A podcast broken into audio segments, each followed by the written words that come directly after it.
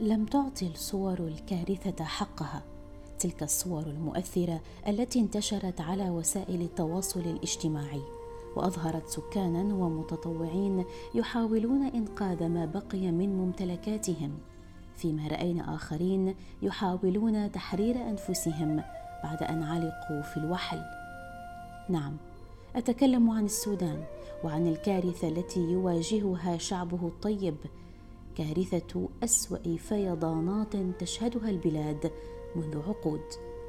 فمع هطول الأمطار الغزيرة التي فاقت المعتاد اخترقت مياه النيلين الأزرق والأبيض السدود في العاصمة الخرطوم واعتبر الفيضان من أعلى مستويات الأنهار المسجلة على الإطلاق.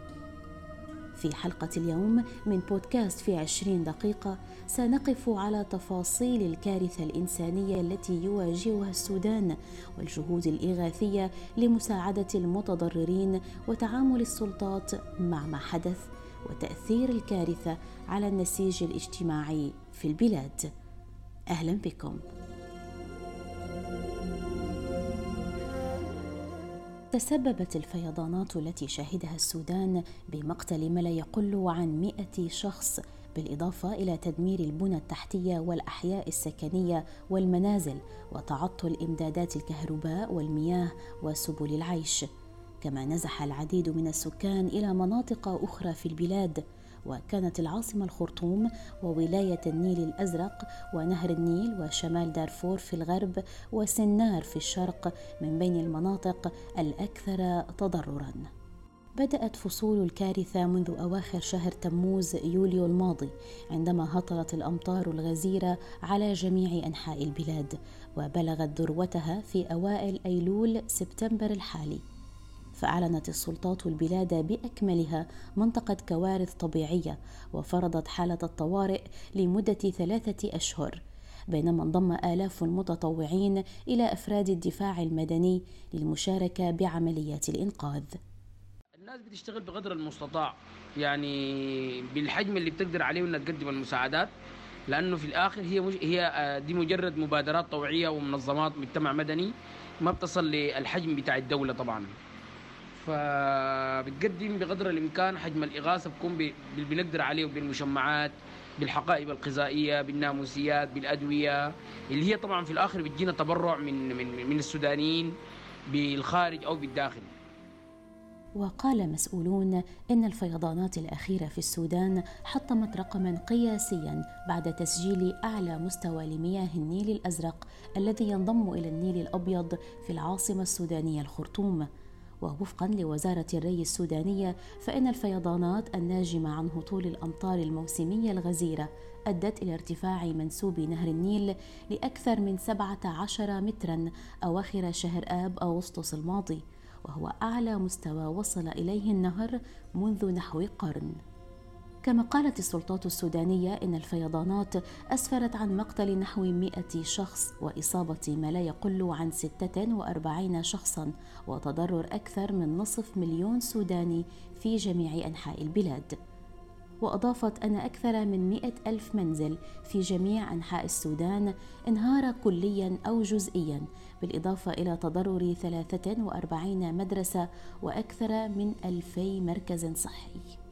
سجلت الأمطار والفيضانات في السودان هذا العام أرقام قياسية غير مسبوقة.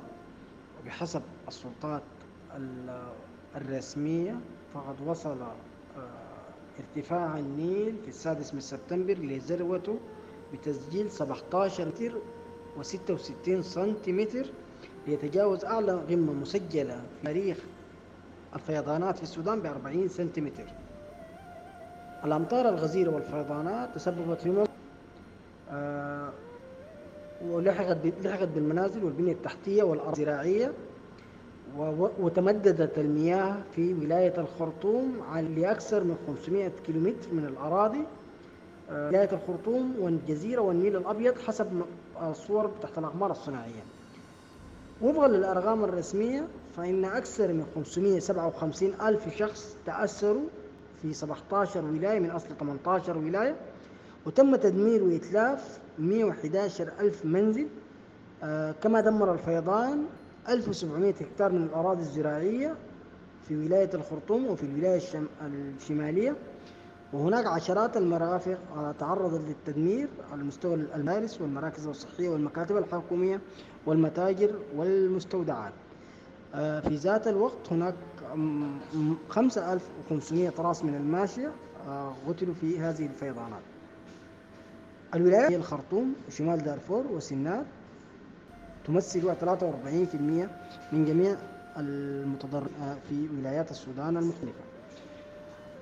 مناسيب النيل حاليا في انحسار ولكن الأمطار الفيضانات المفاجئة الأودية والأنهار الموسمية ممكن تشكل تهديد للأوضاع في السودان. آه، وصلت خلال الأيام الماضية العديد من المساعدات من الدول الصديقة والشقيقة على رأسها اليمن ولكن هناك ما تزال الحوجة آه، للمزيد من المساعدات خاصة فيما يلي المواد الصحية ومواد الإيواء ومواد صحة البيئة. لا تستطيع الآن السلطات السودانية تحديد حجم الاحتياجات ولكن وفقا لتقديرات صحفية يمكن أن تصل حجم الاحتياجات الحالية المتجددة المتغيرة الأوضاع على الأرض لأكثر من مليار ونصف دولار. إذا هذه الأضرار الهائلة التي خلفتها الفيضانات لم تتركز بمناطق بعينها بل شملت مساحات واسعة من البلاد بما في ذلك الجزيرة وغرب كردفان وجنوب دارفور. وتضم ولاية النيل الأزرق أكبر عدد من المتضررين.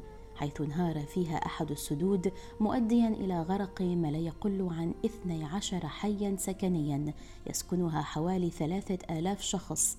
أصبح معظمهم بلا مأوى ويعيشون الآن مع عائلات مضيفة في أحياء أخرى. كما تم تدمير ما يقرب من 190 منزلا وتضرر حوالي 600 منزل آخر في هذه الولاية وحدها. ووفقا لمفوضية العون الإنسانية الحكومية فإنه من المتوقع أن تنهار المزيد من المنازل في المنطقة التي أصبحت فيها الأرض بالفعل شديدة الرطوبة. الجهود الإغاثية والمساعدات الإنسانية بدأت من جميع الجهات سواء كانت تطوعية أم رسمية. فأقيمت المخيمات للنازحين والمستشفيات الميدانية في المدارس القريبة من المناطق المنكوبة. كما نشر الجيش السوداني قواته للمساعدة في إجلاء الناس وبناء الحواجز في العاصمة الخرطوم وتوزيع المواد الغذائية بعد أن قطعت الفيضانات الطرق وجرفت المنازل والممتلكات. وفي ظل جائحة كورونا التي يشهدها العالم يواجه السودانيون اليوم صعوبة في الوصول إلى المياه النظيفة بسبب تلوث مصادر مياه الشرب ناهيك عن أن نظام الصرف الصحي في السودان لا يعول عليه وتعتبر المياه الراكدة مكانا مثاليا لتفشي الأمراض مثل الكوليرا وغيرها. الحكومة لحد اللحظة دي يعني قايمة بمجهود كويس بس هو مش المجهود اللي كنا منتظرينه منها يعني كنا بنتمنى إنه المجهود بتاع الحكومة يكون أكبر من كده بمراحل لكن هي يعني بتقوم بمجهود ممتاز لحد اللحظة دي أو أو مش ممتاز. لنقول عليه إنه مجهود مقبول مقبول من الحكومة في اللحظة الحالية وفق الوضع الاقتصادي الموجود حاليا. الأحوال بتاعت المدنيين وبتاعت السكان سيئة جدا. المناطق اللي تضررت يعني المنازل وقعت المزا... الدكاكين المزارع خربت بقى في مخيمات في ناس خال مناطقهم السكنية اتدمرت لدرجة إنهم بقوا ساكنين في مخيمات. آه، اوضاعنا الاقتصادية حاليا سيئة جدا. آه، ما حيكون معروفهم حيقدروا يواصلوا حياتهم كيف يبنوا بيوتهم يرجعوا أولادهم للمدارس أو الجامعات. آه، مصادر الرزق بتاعتهم اتدمرت. فالمتضررين حقيقة أحوالهم سيئة جدا جدا يعني. المتوقع خلال الأيام الجاية دي إنه لو المطر المطر المطر في النيل الأزرق وأثيوبيا المطر خف شوية إنه منسوب النيل يقل شوية. ده بيسمح للنيل إنه ينحسر المناطق الغمرة فيضانات النيل إنها تنغمر إنها تتراجع شوية الفيضانات. والناس بعد ده ممكن يعني تتوقف من مرحلة إنها تتعامل مع فيضان بعدين تتعامل مع كارثة إنسانية بتاعت إنه في ناس فقدوا منازل إنه في أمراض جاية. حقيقة التأثير بتاع الكارثة على النسيج الاجتماعي هو يعني ممكن يكون غريب شوية يعني أدى إلى تضامن وتكاتف. السودانيين أصلا آه، النفير دي هي حاجة عند عند السودانيين يعني بمعنى إنه الناس كلها تنفر مع بعض أو تتضامن مع بعض عشان تعمل حاجة معينة لإنسان متضرر أو لإنسان محتاج. ف حقيقة التضامن الاجتماعي الكبير جدا جدا جدا اللي لقيناه من السودانيين الغير متضررين مع المتضررين هو السامح للمبادرات زي نفير إنها تشتغل. يعني تضامن إنساني يعني رائع جدا جدا. بيجوا بيتبرعوا لنا بالملابس بالأموال بالمعدات. في ناس ما عندهم حاجة بيجوا بنفسهم بيجوا بالعربات. في ناس بنبعت لهم المناطق بيمشوا هم بنفسهم يتبرعوا وكده. فبالعكس هو النسيج الاجتماعي ممتاز جدا جدا. مياه الفيضان عرفت طريقها إلى أحد المواقع الأثرية المهمة شمال الخرطوم حيث حذر علماء آثار من أن ارتفاع منسوب مياه النيل يهدد بإغراق منطقة البجراوية المدرجة ضمن قائمة التراث العالمي والتي يرجع تاريخها إلى أكثر من ألفي عام. فيما سارعت بعض فرق الإنقاذ إلى إقامة جدران من أكياس الرمل لمنع وصول الأضرار إلى هذه المنطقة. الفيضانات منطقة البجراوية عاصمة أثرية تاريخية على بعد 200 كيلومتر شمال الخرطوم ولكن السلطات السودانية بجانب المختصين في حماية الآثار وناشطين على مستوى المجتمع المدني آه، نجحوا في وضع متاريس آه، ترابية لحماية الآثار من تقدم الفيضان لأول مرة لهذه المواقع الأثرية المهمة. آه، حاليا نجح السلطات في أنها توقف تقدم الفيضان نحو آثار البجراوية. السودان وهو ثالث أكبر بلد إفريقي من حيث المساحة يشهد وضعا سياسيا استثنائيا يتمثل بمرحلة انتقالية صعبة مما أثر على طريقة التعاطي الرسمية مع هذه الكارثة البيئية وعلى التغطية الإعلامية لما حدث. خاصة أن الموضوع بدأ بشكل تدريجي وكان من الممكن تدارك الأضرار الكبيرة أو على الأقل التقليل منها.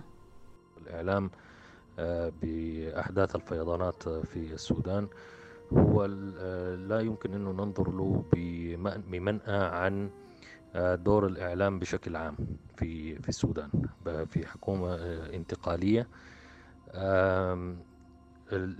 يعاني الإعلام ما يعانيه من مما تعانيه كل المؤسسات يمكن في في الدولة.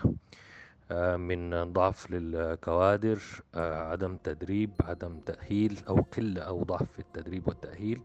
وبالتالي انعكس ذلك في الأداء الذي يظهر على الشاشة أو يظهر في وسائل الإعلام المختلفة سواء كانت مرئية أو مسموعة أو مقروءة. دور الإعلام هو تشكيل للرأي العام وقيادة للرأي العام وليس نقل للأخبار. فبالتالي إذا كنت لم تتقدم على الأحداث آه، لم تقرأ آه، ولم تحلل آه، التقارير التي صدرت قبل فترة طويلة عن الأمطار المتوقعة والتغيرات في المناخ وارتفاع المناسيب وتحليلات سد النهضة وزيادة مناسيب النيل وانخفاضها قبل فترة. فبالتالي لا يمكنك أن تكون أيضا بارع آه، في في نقلك للأخبار. فلأن الضعف الذي يشوب الإعلام هو ضعف عام. الأخبار الإعلام الخارجي كان هو لفترة ليست بقليلة آه، يتقدم على الإعلام المحلي في نقل الأخبار آه، عن الفيضانات.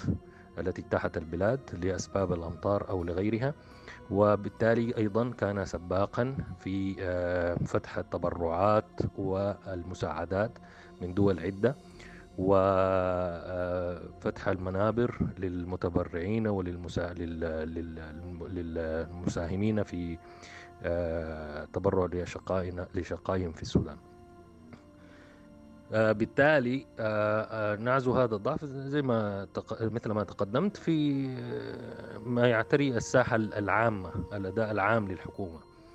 دور الإعلام قديما هو اختلف جدا ولكن يبدو أن القائمين على الأمر يعانون من مشاكل عدة وصعوبات عدة فإنهم يقودوا الرأي العام إنهم يشكلوا الرأي العام. وأعتقد أن ذلك كان أصبح خصما من أداء الحكومة بشكل بشكل عام في في السودان حيث تحول الرأي العام من مساند إلى حيادي ثم تعالت الآن الأصوات بالانتقاد وبال الرمي بالإهمال وقد يتعدى ذلك أيضا إلى الرمي بعدم الكفاءة وممكن أن يصل إلى لا, لا نقدر أن نقول خيانة بقدر ما هو خيانة للقضية الانتقالية وخيانة للثورة التي قامت آه، في البلاد آه، قبل عام. ولم يجد المواطن آه، ولو جزء يسير من من أهدافه التي قامت عليها الثورة.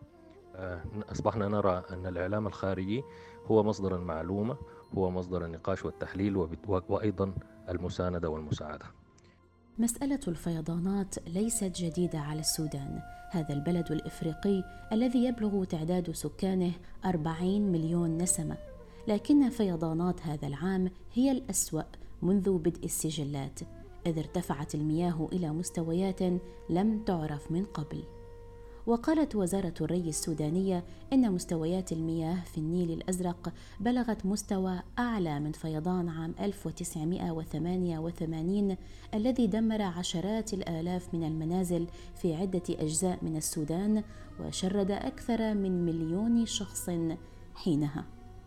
الكارثة طبيعية لكن يد الإنسان لعبت دورا في جعلها أسوأ وفي زيادة معاناة الأهالي لا سيما مع وجود تقارير تحدثت عن شبهات فساد كبيره في عدد من المشروعات العمرانية التي أقيمت على ضفاف النهر خلال العقدين الماضيين. وحسب وزارة الري السودانية فإن المشاريع العمرانية التي بنيت على مجرى النيل هي أحد أسباب زيادة الأضرار التي لحقت بأحياء فقيرة في جنوب وشرق السودان. خاصة أن النظام السابق كان يمضي في منح تراخيص البناء الاستثماري من دون مراعاة الوضع الهندسي والجغرافي للمناطق الفقيرة مما أدى إلى تأثر حياة وممتلكات المواطنين بفعل الفيضانات الأخيرة. ويعتبر نهر النيل أطول نهر في العالم إذ يبلغ طوله 6650 كيلومترا. ويساهم النيل الأزرق وهو أحد روافد النيل بأكثر من 80% من مياه النهر بعد أن يلتقي بالنيل الأبيض بالقرب من العاصمة الخرطوم. كما يوفر نهر النيل المياه لصحاري شمال السودان ومصر حيث يلتقي بالبحر الأبيض المتوسط. ويعتمد المزارعون على طول ضفاف النيل الخصبة على الفيضانات السنوية لكن مستويات المياه ارتفعت أكثر من المعتاد هذا العام. ويتخوف المراقبون من أن تخرج الأمور عن السيطرة في السودان وألا تكون الإجراءات المتخذة لمواجهة الفيضانات كافية خاصة مع التحذيرات التي أطلقتها الوكالة الإنسانية التابعة للأمم المتحدة من أن يزداد الوضع سوءا خلال الأسابيع المقبلة. إذ من المتوقع أن يستمر هطول الأمطار فوق المتوسط حتى نهاية الشهر الحالي.